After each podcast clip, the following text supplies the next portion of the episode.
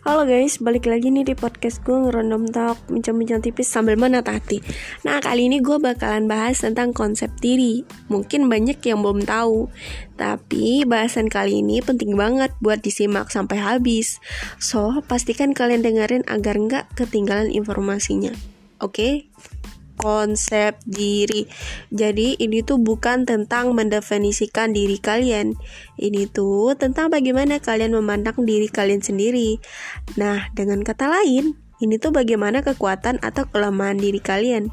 Konsep diri ini tuh udah melekat dari kalian lahir. Nah, sehingga dia yang akan membantu pertumbuhan dan perkembangan diri kalian sebagai individu. Dia juga sebagai kunci dalam pengintegrasian kepribadian dalam memotivasi tingkah laku.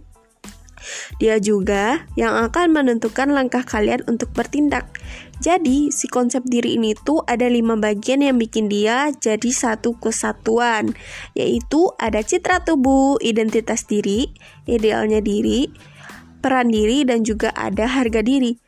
Jadi, konsep diri ini sangat berperan banget buat perkembangan kepribadian serta juga berpengaruh bagaimana kalian berinteraksi dengan lingkungan kalian.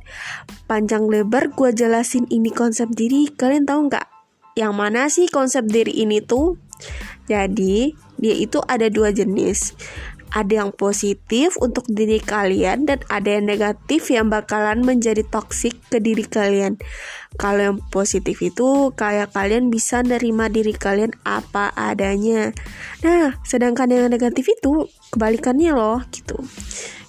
Pasti kaliannya gak mau dong punya konsep diri yang buruk Yang pastinya bakal nyakitin diri kalian sendiri Nah gue punya tips nih biar kalian bisa bikin diri kalian punya konsep diri yang positif. Yang pertama itu ada menghargai diri sendiri. Jangan iri atas apa yang telah diraih orang lain. Gak ada gunanya, jadilah diri kalian sendiri. Kedua, tetap berpikir positif. Jadi dengan berpikir positif, kalian akan merasa fokus terhadap apa yang menjadi tujuan kalian lain. Yang ketiga, menolong orang lain.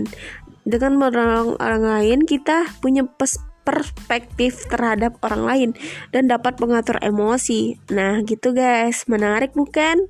Sekian dulu ya dari gua. Sampai jumpa di pembahasan selanjutnya. Bye bye.